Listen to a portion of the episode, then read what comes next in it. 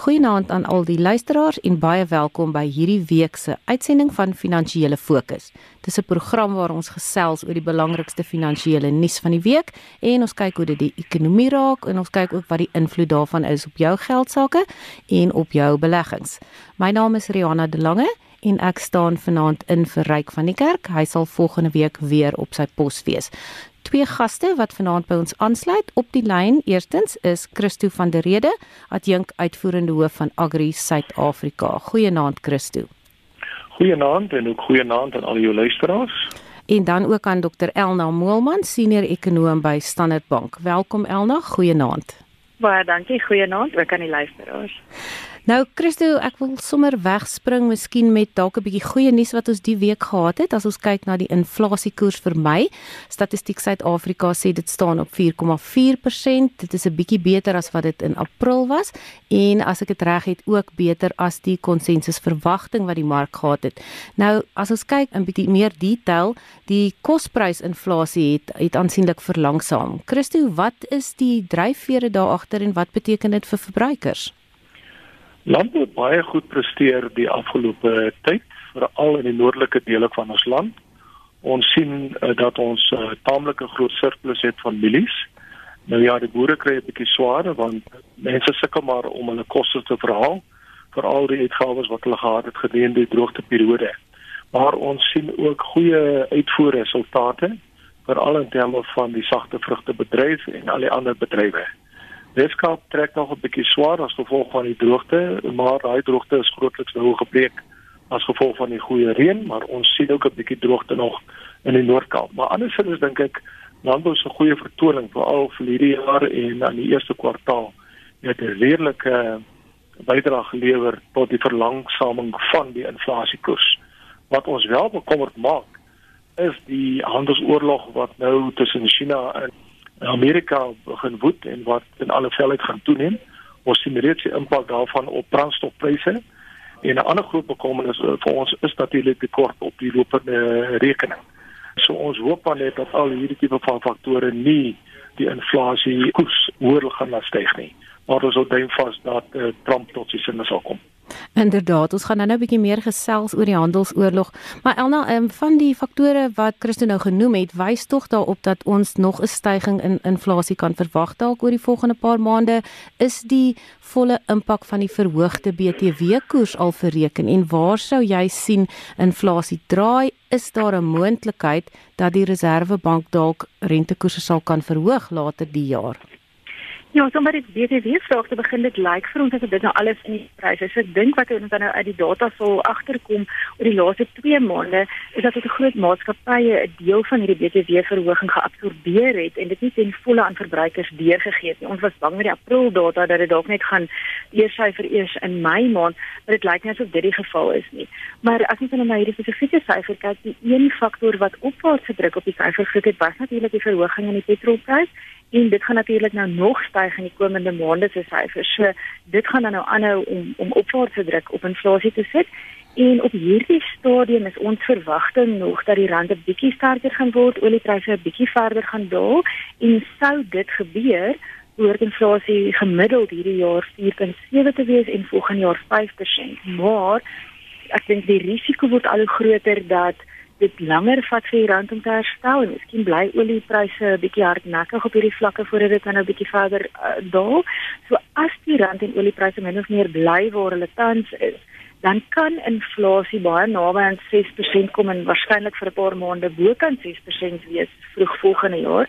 En in daardie geval vir die Reserwebank het moet oorweeg om rentekoerse op te sit. Ons dink nie dis 'n onmiddellike bedreiging nie. Die Reserwebank is in elk geval ook geneig om eers seker te maak hoe volhoubaar randswakte byvoorbeeld is voordat hulle sal reageer, maar dit is definitief word dit nou 'n oorweging. Die geldmark is eintlik alreeds besig om dit ten volle in te bring. So die geldmark is oortuig daarvan dat ons 'n rentekoersverhoging hierdie jaar gaan kry en weer een volgende jaar. Ons is nog nie oortuig nie. Ons dink dat die rand 'n bietjie kan terugkom en dan behoort inflasie binne die teikens te bly. As jy ook kyk na die Reservebank se kwartaalblad, praat hulle ook van inflasie wat oor die algemeen baie laag is. Ja, so ons hoop vir die beste daar. Voor ons heeltemal afstap van landbou, Christo, ek wil graag verwys na die Landbou Sakekamer Ekbus en die Nywerheidsontwikkelingskorporasie se Landbouvertroue Indeks. En in die tweede kwartaal sê hulle die vertrouensvlakke het effens teruggeval teenoor wat dit nogal redelik hoog was in die eerste kwartaal. Dis wel nog steeds bo die vlak van 50 punte wat op uitbreiding in die sektor dui, maar een van die redes wat hulle gee vir onsekerheid mense wat 'n uh, bietjie terughou aan aan geld en so aan is die hele kwessie rondom grondonteiening sonder vergoeding. Ons weet dis 'n warm patat op die oomblik. Wat is jou mening daaroor? Jy kom tog elke dag met mense in die landbousektor aanraking. Kyk die banke uh, in hulle voorlegging by 'n onlangse byeenkoms as ook 'n uh, uh, het uh, bevestig dat ons afname in uh, belegging in landbou sien. En hulle skryf dit direk toe aan hierdie onsekerheid, beleid onsekerheid oor grondhervorming en ook hierdie hele kwessie rondom grondoneening sonder vergoeding. Die regering is terdeur bewus daarvan en ek dink dit is belangrik dat die proses op 'n wyse moet bestuur word dat dit nie verder onsekerheid teweegbring nie. Boere het nêrens ander plek om te gaan as om sy geld weer te investeer in die landbouaktiwiteite uh, binne in 'n plaaslike distrik of 'n uh, naby 'n dorp of waar ook al nie. En dit is belangrik dat ons daai plaaslike ekonomie aan die gang hou deur die plaaslike investering deur boere. In my omgang met baie van die boere is daar 'n groot aptyd vir uitbreiding en ook vir verdere konsolidasie. En dit is 'n maar 'n natuurlike ding dat jy weet die sterker boere maar die swakker boere se plase uitkoop en so voort. Uh, so daar's baie aptyd daarvoor en daar's kapitaal daarvoor. Maar mense hou op hierdie oomblik eers vas want ons is onseker oor die rigting waar in hierdie grondonteeningsproses sal gaan. Ja, inderdaad gaan hierdie seker vir baie lank nog die nuus oorheers. Elna, jy het so 'n bietjie verwys na die rand. Ek wil gou-gou 'n bietjie terugkom dat ons 'n meer besonderhede daaroor praat. Daar was 'n paar onstuimige data wat uitgekom het die laaste 2-3 weke wat die rand 'n uh, bietjie swaar laat trek het. Ek verstaan dat die rand baie van die veld wat dit gewen het sedert Cyril Ramaphosa tot ANC president en toe later tot president ingehuldig is, heeltemal daardie veld verloor het en dan natuurlik jy het verwys na die tekort op die lopende rekening. Dit staan nou op 4,9% van die bruto binnelandse produk. En dit het die rand ook 'n bietjie geknou hierdie week. Hoekom is dit belangrik dat ons hierdie tekort op die lopende rekening in toom hou? Ek dink dit dan maar net dat ons meer geld die land moet uitvloei. So dit is waarom dit so negatief is en jy moet dit fundeer. As jy meer invoer as wat jy uitvoer, moet jy op 'n of ander manier geld leen of daai tekort op 'n manier fundeer en dit is waarom dit dan nou druk op die rand sit. Ek dink die rand se swak, jy het dit nou goed verduidelik plaaslik is daar 'n kombinasie van twee goed. Ek dink die mark was oor optimisties gewees aan die begin van die jaar na die ANC se verandering. En ek dink 'n mate daarvan is net 'n bietjie normalisering. Het hulle net teruggesit en gesê eintlik vat dit maar baie lank voordat enige politieke verbeteringe gewoonlik 'n fisiese ekonomiese impak het. Dan het ons nou die negatiewe data gehad en dit was nie net die lopende rekening dit was ook baie teleurstellende groei verwante data. En dan natuurlik is die groter prentjie maar nog steeds die internasionale een. Ons het nou so 'n bietjie begin verwys na die handelsoorlog. Dit is maar daardie onsekerheid. So op hierdie stadium as 'n mens kyk na mense se vooruitskattinge vir wêreldgroei byvoorbeeld, is dit nog redelik billik en sterk vir die jaar en volgende jaar, maar ons geweldig kommer oor oor die moontlikheid dat dit swakker kan wees. So dis hierdie kombinasie van die internasionale agtergrond en dan nou die plaaslike teleurstellings wat maak dat die rand so swak is as wat hy tans is. En dan Christo, ek weet baie mense in verskeie bedrywe sê dat hulle is nie so seer gepla altyd oor 'n swakker geldeenheid nie, maar vir beplanningsdoeleindes wil hulle eerder 'n stabiele geldeenheid hê. Wat sien julle in die landboubedryf? Miskien net vinnig verwys na die probleem met die lopende rekening. Jy weet die uitvoer van minerale wat deurslaggewende drywer is in terme van daai handhawing en die balans van die lopende rekening. Ons het daar ook 'n skerp daling gesien en daarmee saam ook 'n skerp daling in die randprys van mynbou hulppryse. So jy weet dit is van die sterker faktore wat natuurlik hierdie groot handelstekort veroorsaak. Op landbougebied uh, sien ons dat boere oor die algemeen goeie pryse kry in die buiteland, veral vir ons sagte vrugte, ook vir ons neute en dan wol het baie baie goed gedoen in die buiteland. So dit is een van die goed wat uh, voedselpryse ook in toom hou. Maar ons bly maar bekommerd oor die impak wat moontlike tariefverhogings in terme van aluminiumpryse, staalpryse, maar ook dit kan dat Trump kan oormôre besluit dat hulle dalk uh, die hele uh, handelsooreenkoms tussen Suid-Afrika en Amerika in terme van landbouprodukte en hier verwys ek spesifiek na die AGOA ooreenkoms dat dit gaan opskort. En dan is ons uh, hele landbousektor in groot moeilikheid want ons voer taamlik baie landbouprodukte ook na Amerika toe uit. Ja, ons kan definitief nie wegkom sonder om oor president Donald Trump te praat en jy weet vir lank was dit dreigemente van invoertariewe, maar baie van die goed het nou tot realiteit gekom. Ek dink een van die goed wat my hierdie week gevang het wat ek gelees het is dat iemand soos Daimler wat Mercedes motors vervaardig en baie van sy sportnutsvoertuie uitvoer na China nou vrees dat sy verkope daar 'n geweldige knou kan kry nadat Beijing 'n uh, invoertarief ek dink van 25% ingestel het op voertuie wat uit Amerika uitkom. Elna, hoe erg kan hierdie handelsoorlog raak en wie is die grootste verloorders? Een wenner as wat daar so groot handelsoorlog is in ons behoort internasionaal meer in te sien. So kan negatiewe impak hê op die ekonomie wat spesifiek direk geraak word, maar ook dan nou 'n groter impak. So ons dink dat wêreldgroei se af geraak kan word as mens net kyk na die handelsoorlog. En dit dalk 7.3 of so persentasiepunte van wêreldgroei aftrek, maar die probleem is dat dit die direkte impak is. Die die indirekte impak is is die onsekerheid wat daarmee saamgaan en en daardie impak kan eintlik maak dat dit nog baie groter is. So ons het nou reeds 'n bietjie verwys na die impak wat dit op geldeenhede gehad het. Ons het natuurlik ook gesien dat kommoditeitspryse onder geweldige druk gekom het en en dit is nog hierdie stadium regtig omdat daar al 'n geweldige daling in die vraag is. Dit gaan eintlik maar oor hierdie kommer. So dit word eintlik 'n groot negatiewe spiraal op hierdie stadium. En dan Christo het 'n klein bietjie verwys na hoe hy dit sien waar Suid-Afrika inpas, maar wat sou die grootste nadeel vir ons van hierdie wees?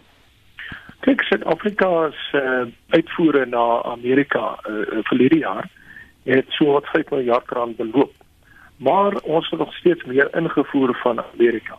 Vanaf Amerika het ons so 7.7 miljard rand se uh, goedere ingevoer op hierdie stadium kan ons aluminium industrie as ook ons staalindustrie ernstig geraak word indien China byvoorbeeld nie hulle produksie uitsette kan aandaaf nie.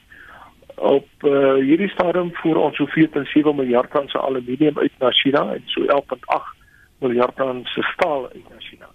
En daai goed word verder daar verwerk en uh, ons kry dan 'n hele klomp sekondêre produkte wat na Amerika toe uitgevoer word. Maar 'n uh, klomp lande wat uh, ook groot groot uitdagings in die gesig staar, is maar die die groot handelsvennote, jy weet uh, soos die Europese Unie, Mexiko, Japan, Indië en Taiwan en ook Suid-Korea. En die oorspoel effek van daai handelsoorlog in terme van daai lande se ekonomie kan 'n groot groot negatiewe uitwerking hê. Soveel so dat ons dalk met 'n resessie op ons hande sit. So hoop net dat sanity will prevail aan die einde van die dag en dat Trump nie hierdie tipe ding verder gaan gaan voer nie. Ja, ek kon dit nie beter gesê het nie. Elna, jy het verwys na kommoditeitspryse wat ook nie so wat wonders gevaar het in die onlangse verlede nie en dat 'n deel daarvan wel aan die aan die handelsoorlog toegeskryf kan word. Maar dis natuurlik ook nie goed vir 'n land soos Suid-Afrika nie want ons voer baie kommoditeite uit. Definitief en ek dink dit is deel deel van die lopende rekeningtekort. As ons nou kyk na die verhouding tussen ons uitvoerpryse en ons invoerpryse het dit met amper 4% gedaal in die eerste kwartaal hoofsaaklik as gevolg van die uitvoerkommoditeite se pryse. En dit is natuurlik nou nog voor hierdie druk wat ons nou begin sien. En dan tesame daarmee is oliepryse natuurlik nog redelik hoog. So so dit is dan nou 'n baie negatiewe pryseffek. In die eerste plek en in die tweede plek het dit dan nou ook 'n impak op die rand. So ons het nogal aan die begin van die jaar verwag dat kommoditeitspryse of relatiewe uitvoer tot invoerpryse 'n bietjie gaan daal. Dit was op rekordvlakke aan die einde van verlede jaar en dit het nou begin daal. Maar ek dink wat ons nou nie gestig staar is dat daardie impak dalk selfs nog meer negatief sal wees as wat ons verwag het. En dit was terwyl ons eintlik aan die begin van die jaar soos jy tereg gesê het, um, eintlik baie optimisties was oor redelike goeie ekonomiese groei, maar as dit nie goed gaan met ons kommoditeite nie, dan sit dit ons klaar op die agtervoet definitief en ek dink die die groei vooruitskattinge wat ek gesê het, dit dit was aanvanklik dalk 'n bietjie oor optimisties, maar selfs as mens kyk na ons groei vooruitskatting wat nog so 1.8% dalk is vir die jaar, word dit in eerste plek nou al hoe moeiliker om daardie 1.8% wel te behaal.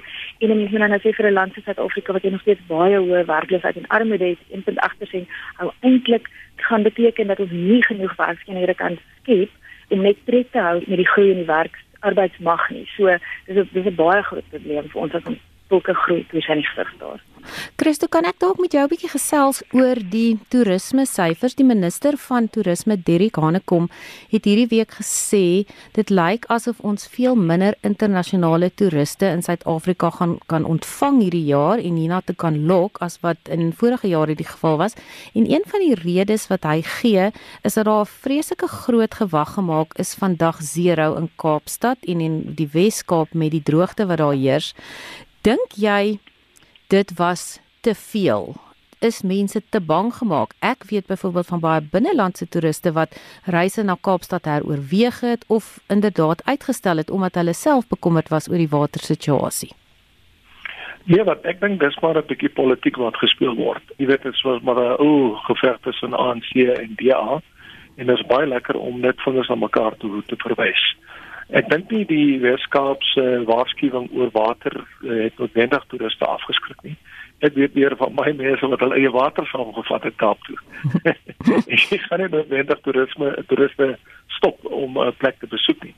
Een van die groot groot groot faktore wat mense afskrik in terme van besoeke in Suid-Afrika is hierdie gewelddadige stakings op ons paaie, jy weet die verval in ons dorpe en dan die diensleweringproteste wat daarmee gepaard gaan as ook die hoë misdaad. Ek dink die regering sal baie baie baie uh, sterker planne moet maak om hierdie tipe van goed stop te sit want dit hou geweldige implikasies in vir die toerismebedryf. Ek weet van mense, jy weet wat nie eens die Kruger Nasionale Park kon besoek het vir hierdie jaar nie as gevolg van die ontydige sluiting van paaie en hekke en protesoptogte. En ons sien dit in die syfers ook van ons toerisme bedrywe. Uh, mense wat byvoorbeeld hotelle bedryf in die plattelandse gebiede of uh, ruskampe of toerisme oorde. Almal daai mense is bekommerd oor die vlakke van uh, gewelddadigheid wat uitbreek en wat saam met die protesoptog uh, gaan, want dit het 'n uiters negatiewe impak op die besoeke aan daai instellings. Ek dink daar's baie dinge wat moet aandag kry. Ek sê vir my gaste vanaand uh, baie dankie vir julle insette en wat julle met ons gedeel het en ook aan die luisteraars. Christo van der Rede van Agri SA en ook Dr Elna Moelman van Standard Bank. Baie dankie vir julle deelname aan die luisteraars. Groetnis.